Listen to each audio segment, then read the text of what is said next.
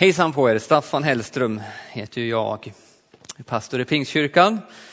Det är gott att få träffa släkten och få läsa Guds ord tillsammans.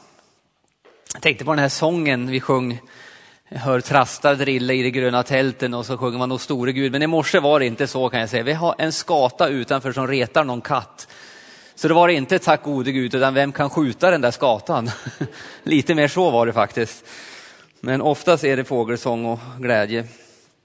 Hörrni, det är ju eh, skolavslutningstider och vi går mot, eh, mot pingst och dagens tema är ju Hjälparen kommer. Och jag tänker läsa en text alldeles rakt. Och, eh, en erfarenhet jag hade för några år sedan, ja det är ju rätt många år sedan jag tog studenten, det kan man ju säga. Eh, jag var ute i, i jag är uppvuxen uppe i Östersund, eller strax utanför Östersund, men i Östersund vi hade eh, student och så vidare. Och så var jag med en kompis ute på stan och det är, ett, det är ett sjöslag utan dess like på studenten i Östersund. Ja, det är det väl överallt, men det var extremt på många sätt. Det var inte någon nykter människa på hela gågatan och så vidare. Förutom jag och min kompis då, så möter vi en av hans kompisar, ett tjejgäng som kommer och ja, som de är när man är lite påstruken, lite hängig och lite pratig sådär. Och så så säger de till min kompis och oss tillsammans att ja, och hon skryter om hur hon sagt det, liksom, att hon skulle, hon har talat om det här så länge, att hon skulle vara så otroligt full den här kvällen och det skulle vara så kul. Och, så han frågar då, har, är, det, är det så bra som du hade tänkt dig nu? Ja, nu är jag så full och jag, är så, jag ska sluta skolan och vara så där. Och, och så sen vände hon sig till oss och sa, ja ni då, är ni också det? Liksom. Så innan vi hann svara så sa hon, nej, nej, just ja, det där behöver ju inte ni, ni har ju det där ändå, sa hon då. Och då tänkte jag på det ord som vi inte ska läsa men som står det, så låt er inte berusas av vin utan låt er ständigt uppfyllas av anden istället. Det är ett fantastiskt ord faktiskt, eh, som säger att Gud vill fylla oss med någonting som ger en sån glädje och sån inspiration och sån, det vi människor behöver, så vi kommer aldrig sukta efter något annat att fylla oss med. Men vi ska läsa från Johannes Johannes 16, kapitel 16, vers 12 till 15. Det är Jesus som säger så här, jag har mycket mer att säga er, men ni försmå, försmå, förmår inte att ta emot det nu. Men när han kommer, sanningens ande, skall han vägleda er med hela sanningen. Han ska inte tala av sig själv utan förkunna det han hör och låter er veta vad som ska komma att ske. Han skall förhärliga mig, ty av mig skall han ta emot det han låter er veta. Allt vad Fadern har är mitt. Därför säger jag att det är av mig han tar emot och han ska låta er veta. Vi stannar där. Far, jag tackar dig att vi får vara tillsammans.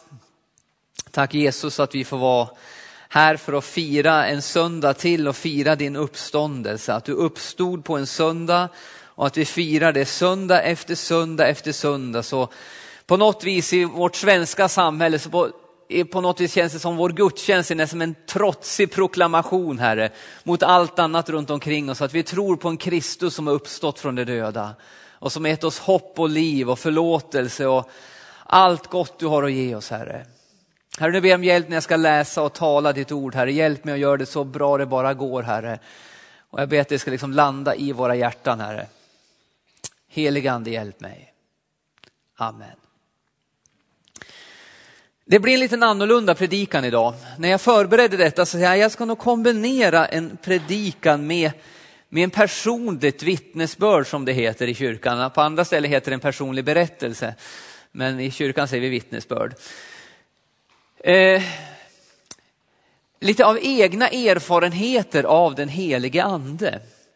Jag brukar ibland säga eh, skämtsamt lite grann i, i, i kyrkan där jag oftast predikar i pingstkyrkan att jag, jag är nog den mest eh, oandliga pingstpastorn i hela Sverige.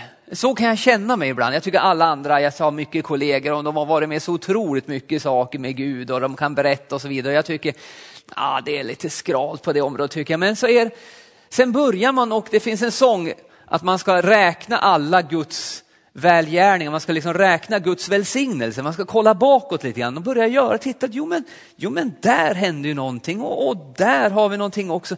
Jo men jag har ju en del erfarenheter som jag är väldigt glad över. Jag tänkte jag, jag ska i all enkelhet utifrån det här bibelordet och utifrån min personliga resa berätta lite grann och förhoppningsvis skapa lite lite längtan hos både mig, för ibland så blir man så att man tappar saker på vägen så man måste, ja just ja, det där var ju så då, så får man liksom hämta tillbaka saker.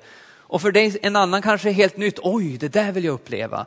Så jag hoppas skapa lite, lite längtan och lite fascination över den helige ande.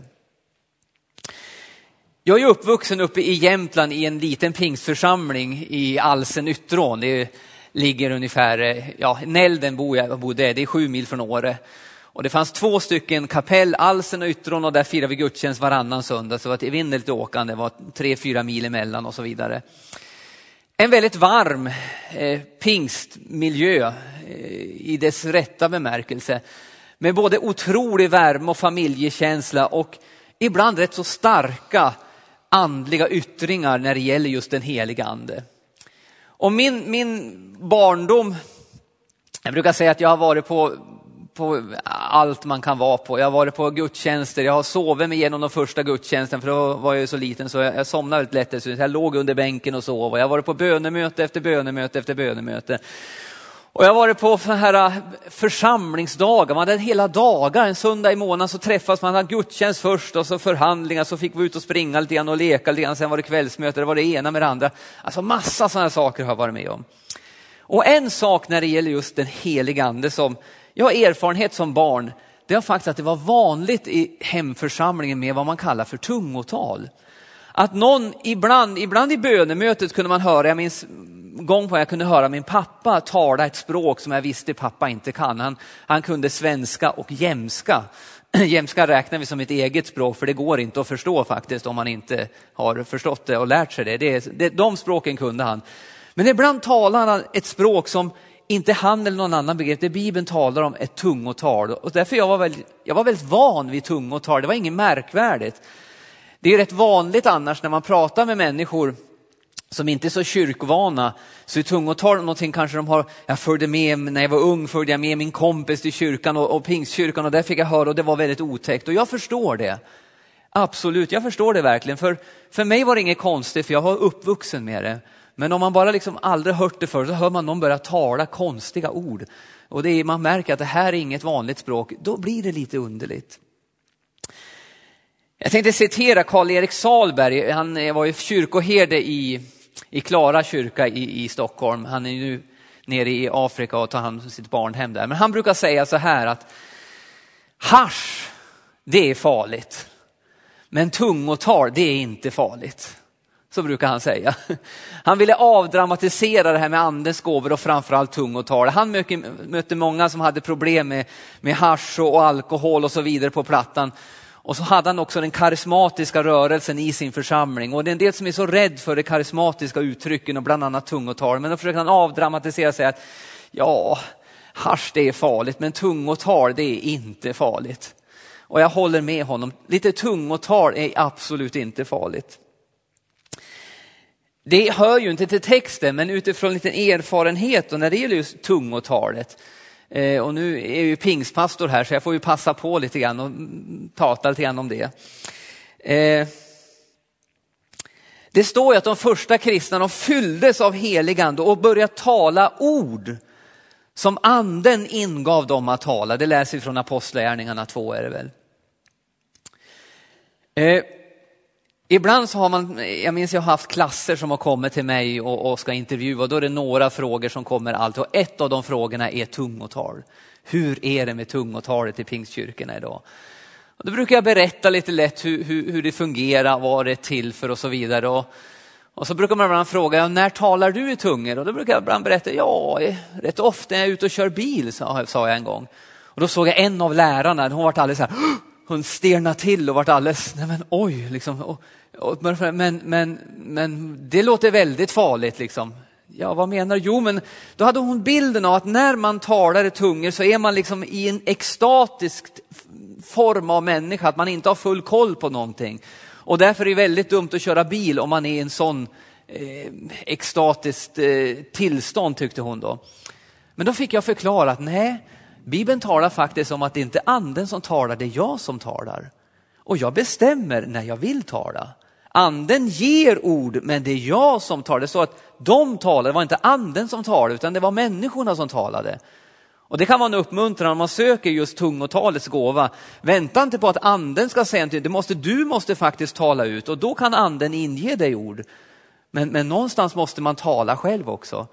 Och därför så kunde jag trösta henne med, nej men jag bestämmer själv, jag kan börja tala tungen precis när som helst. Det är ingenting som hoppar på mig och sen blir jag överfallen och sen är jag helt borta i några minuter. Utan tvärtom, när jag själv bestämmer det, då kan jag tala tungor. Häromdagen så åkte jag in till stan för att byta glasruta på min bil, hade fått ett stenskott. Och då tänkte nu ska jag ta, nu får jag god tid på mig, ta tre timmar och vänta på, så nu kan jag ta en lång, lång promenad. Och så hade jag lite speciella saker som jag bar med mig inför predikan som jag ska hålla eftermiddag. Som jag kände, ja, man vill vara liksom inför Gud. Och då brukar jag använda det Bibeln talar om, tungotal, alltså en gåva som Gud ger oss genom den heliga Ande. Ett hemligt språk där det finns ett, en hemlig kommunikation mellan det Gud ger oss i sin heliga Ande. Du vet att bli frälst, det handlar ju inte om nu jag börjar tänka nya tankar bara, utan det handlar om att det flyttar in Guds ande flytta in i vårt hjärta. Och när Guds ande bor där så finns det en möjlighet till en kommunikation mellan Guds ande och Gud som, inte, som går förbi hjärnan, det är det Bibeln talar om som tungotal. Och det där kan vara en fantastisk hjälp många gånger och när jag ska förbereda en predikan som kan vara rätt så svårt ibland, då brukar jag använda tungotalet. Så jag gick där, spatserade kan man väl säga, i, i, i, i i Karlstad och talade tungt och ropade inte utan tyst för mig själv, det är ingenting, jag kan bestämma. Och så kom jag till en busshållplats och det stod någon och väntade på bussen. Då tänkte jag, mm, nu är jag tyst, jag ska inte väcka dumhet att de undrar vad sysslar jag med och så vidare.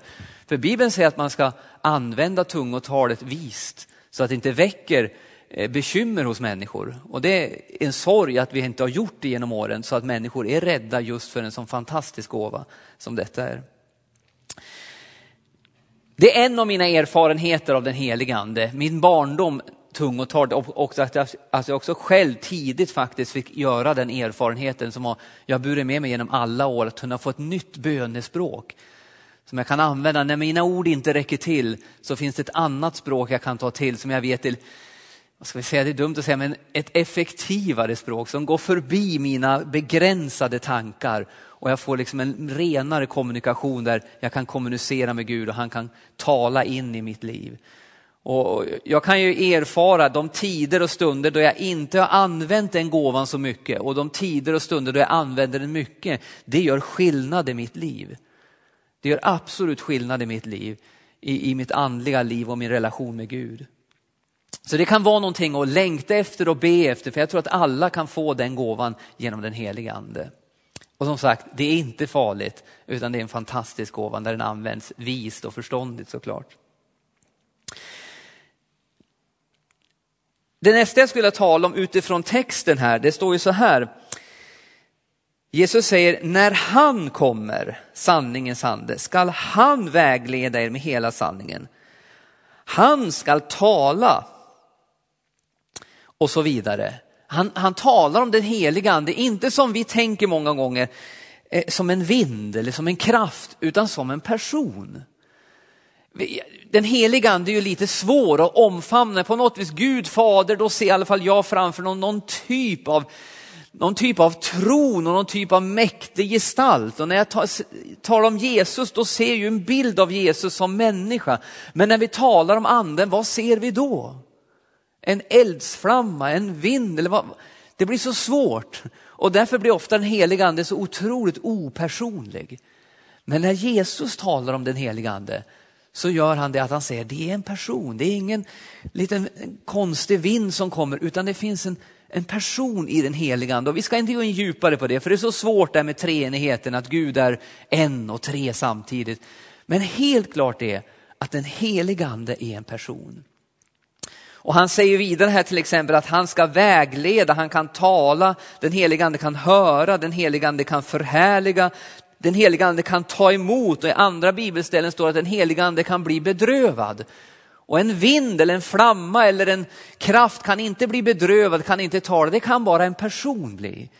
Och jag minns för ett antal år sedan när jag läste en bok eh, som tog upp just det här om den heliga ande som en person. Och jag minns jag fick en sån längtan efter att lära känna den heligande personligt, att göra honom involverad i mitt liv. Att tänka faktiskt att här, är en, här finns en person, en hjälpare som bor i mig och som följer mig varje dag. Och på något vis börja liksom tänka mer konkret på det sättet.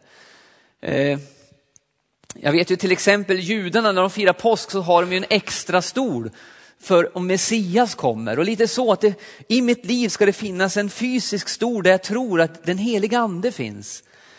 Och jag fick en sån längtan efter det att åh, jag skulle vilja ha den heliga ande lite mer personligt, inte bara som någon vi talar om lite flummigt, utan på riktigt.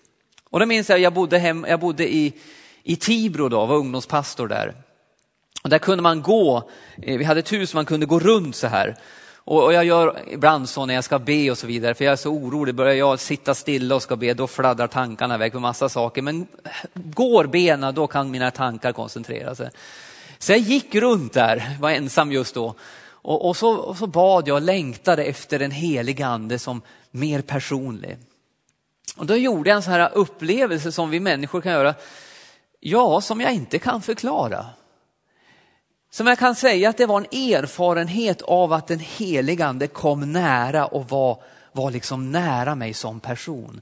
Och det medförde att jag blev så uppfylld av denna person så jag visste inte riktigt vart jag skulle ta vägen. Det var ju tur att jag var själv där. För jag tittade ut genom fönstret, jag hoppas ingen tittade in. För jag var så jublande lycklig så jag kunde inte vara tyst eller någonting. Jag bara ropade av glädje, jag var alldeles uppfylld av detta. Jag var helt själv.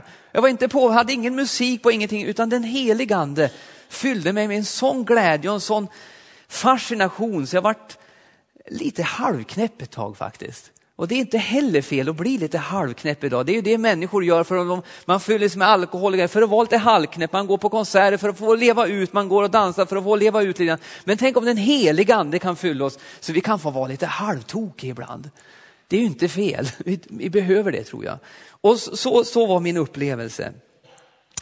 Ett personligt möte med den heliga ande som person. Och inte bara någonting, för det är ofta som vi sjunger om den heliga ande och vi talar om den heliga ande. Men erfarenheten av den heliga ande är så viktig för oss. Och det är sådana erfarenheter som jag har burit med mig eh, genom livet och som, som hjälper mig så otroligt. En annan sak som den helige ande kan göra, det är att den helige ande kan vägleda. Det står ju i, om man läser innan här i kapitel 15, vers 26, när hjälparen kommer, som jag skall sända från Fadern, sanningens ande som utgår från Fadern, då ska han vittna om mig. Den helige ande talas ju om hjälparen och han vill vara en hjälpare i våra liv. Och det är väl många områden vi behöver hjälp på på olika sätt, men framförallt de andliga områdena, att Gud vill leda oss genom livet och förädla oss undan för undan så vi mer och mer dels kommer rätt i livet och dels mer, att, dels mer med att vi förädlas och blir lik Jesus Kristus. Det, det gör anden med oss. Att han liksom tar det råmaterial som är vi och så undan för undan så förädlar han oss till att bli Guds likhet. En annan sak som jag erfarit han hjälper mig med, det är att han varnar för fara. Han varnar för synd. När vi börjar närma oss områden i, i, i livet där, vi, där, där, Gud inte vill vi ska gå, När den heliga ande finns där, så, så börjar han att bulta, så börjar han att ropa, nej, nej, nej Staffan, gå inte dit. Och jag skulle säga, den heliga ande kan ju tala in i våra liv. Och det är det här som är det mest spännande kanske, att lära sig att lyssna till den heliga ande. Och jag skulle säga det är en kombination av, vi har ju dels ett samvete som alla människor har, oavsett om man är kristen eller inte kristen så har vi ett samvete. Sen kan vi göra saker som trubbar av det där samvetet så samvetets röst tystnar. Men när den helige ande kommer in så dels så kan han förnya samvetet så det blir på alert igen. Men sen blir det en förstärkning så ibland, jag kan säga det, att lyssna till Gud, det är nästan som att lyssna till sitt samvete, men man kan säga lite förstärkt samvete. Jag vet inte hur jag ska förklara, men det blir en starkare röst här inne än bara samvetet. Den heliga ande kan tala in i våra liv och varna oss för saker och liksom vägleda oss i livet på olika sätt. Och, och, och där, behöver vi, där behöver vi stanna upp eh, och vara stilla ibland. Att vara ensam, att lära sig och lyssna. Vad, vad säger anden här inne? För vi har så mycket intryck, någon har sagt så här att vi får, vi får ungefär lika många intryck av reklam och sånt där på en dag som man för hundra år sedan fick på ett helt liv. Så vi kan ana att vi har mycket att bearbeta i vår hjärna och i allt detta så ska den heliga andes röst också tala. Jag kan ju tänka mig att det var lättare för hundra år sedan när man gick där efter plogen och det var helt tyst. Det är klart man lärde sig att lyssna till anden och till sitt samvete. Än nu när det har så mycket budskap in och ut överallt.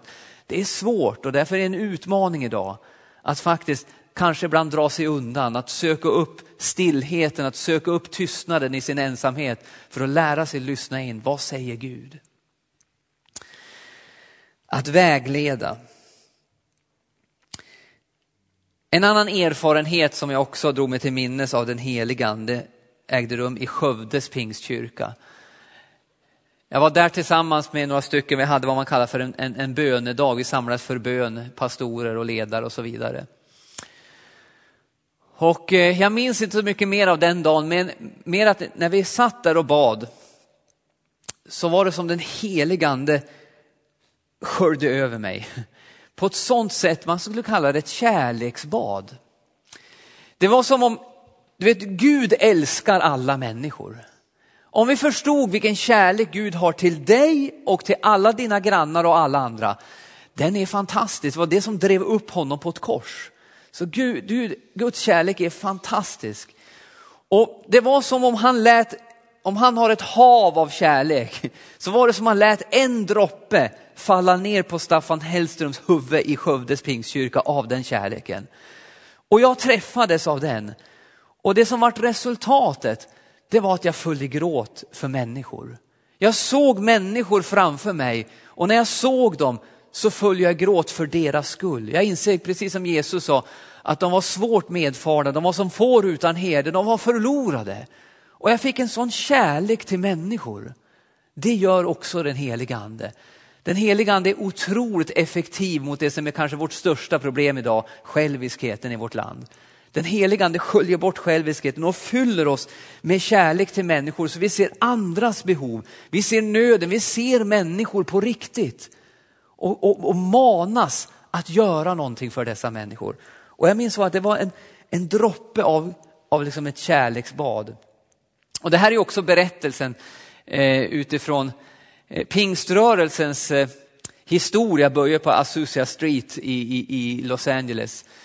Och eh, det man berättar där, det var en, en, en, en svart pastor där som de började be och, och, och, och så rätt som det hände de, de var fyllda av den helige ande och utifrån Azusa Street så, så växte denna rörelse. Och det han beskriver det var ett, som ett bad i kärlek. Han betonar inte liksom andens gåvor och tungotalet utan framförallt var det ett bad i kärlek. Vi älskade alla på alla omöjliga möjliga sätt. Allt som rörde sig, vi älskade allt som fanns. Man var så fylld av kärlek. Det gör den helige ande. Han fyller oss med sin kärlek, det blir som ett kärleksbad.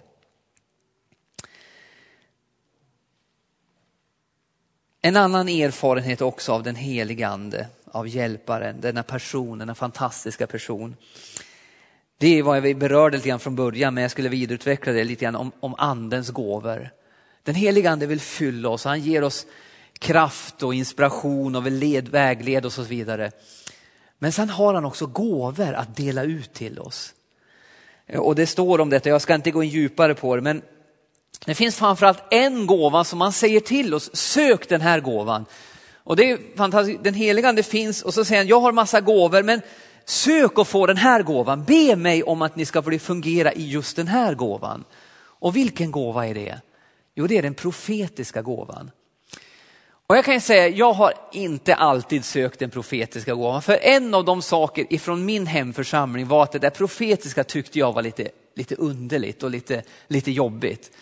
För i min hemförsamling var det ofta så att när det var någonting med det profetiska, då var det någon som ropade högt i tungotal. Och sen var det den personen eller någon annan som reste sig upp och i, i falsett nästan skrek ut, så säger Herren, och så kom det ett ord ifrån Gud. Och det var, och det var väldigt så här, och de ofta skakade de lite grann, och det var väldigt så här, oj, oj, oj. Och jag fick en känsla, det, det där vill jag inte vara med om jag vill inte skrika och jag vill inte leva om så där, Det där vill inte, så därför har jag under många år inte bett om profetisk gåva, för jag tyckte att det där såg allt för, för konstigt ut. Och det är synd att det faktiskt, ibland har vi kanske fastnat i osunda former på olika sätt. Men den profetiska gåvan har jag ändå fått vara någon gång brukad i. Jag minns så väl i, när jag var på ett läger. Jag hade varit på en, eh, eh en arbetsvecka som vi kallar det. Vi var ute på Strömstad och sjöng och berättade om Jesus på gator och torg. Och där var det en, en tjej från en annan församling som var med och var lite hjälpledare eller var med i vårt gäng där. Sen några veckor senare så var jag på ett läger och då var den tjejen, hon var eh, ledare på det lägret.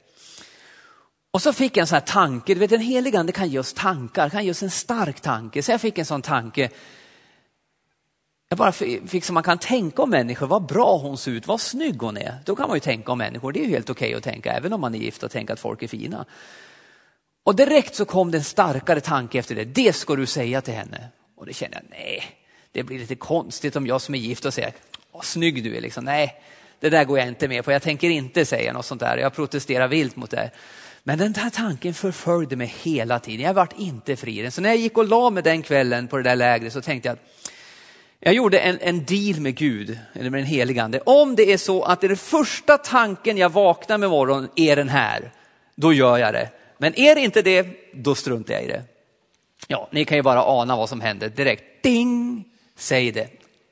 Eländes. Så jag hade en dag på mig, hade du lovat helig ande att jag skulle säga det, så jag gick hela dagen och drog på det där, men hur ska jag säga, det blir fel hur man än gör det här. Och kvällssamlingen kom, hela dagen hade gått, jag hade inte gjort det, men jag liksom hade ju en deal och nu får jag stå upp med min deal då liksom. Så jag, nu hade jag en svär, min svärfar, han, han retade ofta sin, min frus, när hon var tonåring så hade hon kompisar hemma och då, då kunde han slänga ur så här bara för att reta. Så jag har, har du någon kille då? Och liksom lite nyfiket fråga så här bara för att väcka ett samtalsämne. Jag tänkte, jag får ta hans tricks helt enkelt. Så när hon gick förbi mig där så bara sa ja tjena, sa jag, hör, du har någon kille? frågade jag så här. Nej, sa hon, hur så liksom? Nej, men jag, nej men du ser bra ut så det är konstigt att du inte har någon kille. Liksom. Ja, jätteroligt sa hon. Hon trodde jag dummade mig bara och det gjorde jag i första skedet. Ja, jätteroligt sa hon och så var hon på väg. Nej men sa jag, stanna, jag menar vad jag säger faktiskt. Och så liksom tittade jag på henne lite mer så här. Du ser väldigt bra ut, det var det jag ville säga. Du är fin helt enkelt. Jaha, sa hon. Och så gick hon därifrån och tänkte, ja, ja, nu har jag gjort mitt. Nu lämnar jag detta, nu kan jag somna ikväll och vara glad. Så går det ett tag på den där kvällssamlingen så kommer hon och, och, säger Staffan, kan vi prata lite grann du och jag? Ja visst, det kan jag tänka. Ja, ja blir det nu då? Så berättar hon, vet du hur, hur bra det var det du sa till mig? Hur, hur exakt du var i det du sa? Nej, sa jag, det vet jag inte, jag bara sa det. Jo, det är så jag ska berätta om de senaste veckorna så har jag lidit av så mycket att jag har hatat mig själv och mitt utseende. Så fort jag sett mig själv i spegeln så har jag tyckt usch det där är hemskt. Jag har tyckt illa om mig själv. Och, och det där bara liksom ökar, de här veckorna var det så starkt. Och mitt i detta så kommer du och hälsar som en hälsning från Gud själv att jag är vacker, att jag ser bra ut. Och då känner jag, wow, vad skönt att jag var lydig. Att faktiskt att den heliga ande kan ge oss tankar, ord till människor och det här sker på ett sånt enkelt sätt så du och jag missar det oftast. Vi tänker, ja ja, det var ju en konstig tanke och så lämnar vi det. Men många gånger så talar Gud genom våra tankar och vi ska uppmuntra och hjälpa människor. Och ibland så är det profetiska med och det blir mitt i prick. Därför skulle jag uppmuntra dig och mig om vi börjar med att uppmuntra människor, då kan det ibland övergå i det profetiska om vi är öppen för den heliga ande. Att vanlig enkel uppmuntran kan bli förstärkt och bli någonting mer exakt. Och så kan du och jag lära oss att faktiskt lyssna in. Just det, det var så det gick till när jag gjorde det. Och så kan vi lära oss att faktiskt kunna bli använd och söka det profetiska. Så vi kan hjälpa människor. För Gud vill tala till människor. Gud vill uppmuntra människor. Gud vill visa vem man är för människor. Gud är inte så att han går och gömmer sig, utan han vill uppenbara sig. Och det kan han göra genom dig och mig, genom det profetiska, genom den heliga ande. Oj vad jag går på här. Orkar ni en sak till på slutet här? Är det okej? Okay? Ja, ni har ingen val, jag kör på ändå. Jag går tillbaks lite grann till när jag är 12 år och står i ett tältmöte i, i, all, nej, i Trångsviken. Och jag skulle läsa vad man kallar för inledningsord. Alltså man läste ett ord och möjligtvis om man sa någonting, men det kunde räcka med att läsa. Så jag läste ett bibelord, jag läste från Romarbrevet där det står om att Kristus har dött för oss medan vi ännu var syndare. Som lyfter fram den här fantastiska om att fast vi var syndare så var det Gud att dö för oss. Vi, han visste inte om vi skulle tacka ja till det, men i sin kärlek så gjorde han det ändå. Och när jag står och läser det, då är det på något vis som jag för första gången, att den heligande lyfter ut det här bibelordet så det blir på riktigt. Och med det vill jag säga, du vet, ibland kan vi tala om, ja Jesus har dött och uppstått och vi kan sjunga om Jesu död och uppståndelse, hans nåd, hans kärlek. Men det blir bara liksom platta ord. Men den heligande gjorde med mig då och vill göra det med oss. Att på något vis så blir det här på riktigt och så vart det. För det vart så verkligt när jag förstod att de här orden gällde ju inte de jag läste för, det gällde ju mig. Tänk att Gud i himmel som har skapat himmel och jord, han såg Staffan Hellström, han såg att Staffan han kommer gå evigt förlorad om vi inte gör någonting åt det här. Så för Staffans skull är jag villig att dö på ett kors. Och när jag där förstod det, inte med huvud utan med hjärta, så brast jag i gråt tolv år som jag var. För jag fattar, att det här gällde ju mig. Det gör den helige ande. Det står att den helige ande förhärligar Jesus. Jesus säger han ska förhärliga mig. Och är det någonting anden gör så är det att måla vem Jesus är. Så när du och jag har en otydlig bild av vem Jesus är, han blir bara liksom en, ja bara, men ibland kan han liksom bli en, en teoretisk sak. Så är det på något vis som den heligande förhärligar och levande gör honom så det blir på riktigt. Eller som en, en pastor sa att den heligande, om man går och tittar på en, en bild, vem ser den här bilden? Och om den heligande får tag, tag i den här bilden, då är det som om bilden lyfts ut och den blir tredimensionell och vi är själv i bilden. Lite så gör den heligande när det gäller Jesus. Det blir inget diffust och någonting vi tittar på, och talar och sjunger, utan det dras ut och vi är mitt i detta och vi förstår vem Kristus är och det berör oss på djupet i våra hjärtan. Det gjorde det på mig när jag var 12 år. Och det har aldrig släppt. Jag har aldrig, jag har aldrig släppt fascinationen av Jesus Kristus från den dagen. Att han är mer än någonting vi bara sjunger lite diffust utan han är någonting som man blir fascinerad och förälskad i. Och det gör den helige ande. Han lyfter fram och förhärligar Jesus. Och är det någonting vi behöver idag så är det Jesus. Det här samhället är desperat behov av Jesus. Och den heligande vill lyfta fram och måla Jesus och skapa en passion för Jesus. Ni vet, på 70-talet fanns det Jesusfolket, de gick barfota, hade gitarrer på plakat och sjöng om lite halvgalet sådär. Man var fascinerad, man var passionerad över Jesus och det kunde inte stoppa liksom. Man lät håret växa så man såg till och med ut som Jesus. En passion för Jesus. Det behöver vi i, i kyrkorna och framförallt kyrkorna behöver det för att samhället ska nås ut av det. Jag brukar tänka ibland, ibland kommer det ju människor och vill ha tröst och stöd och, och vill, vill samtala kanske om, om döden och så vidare.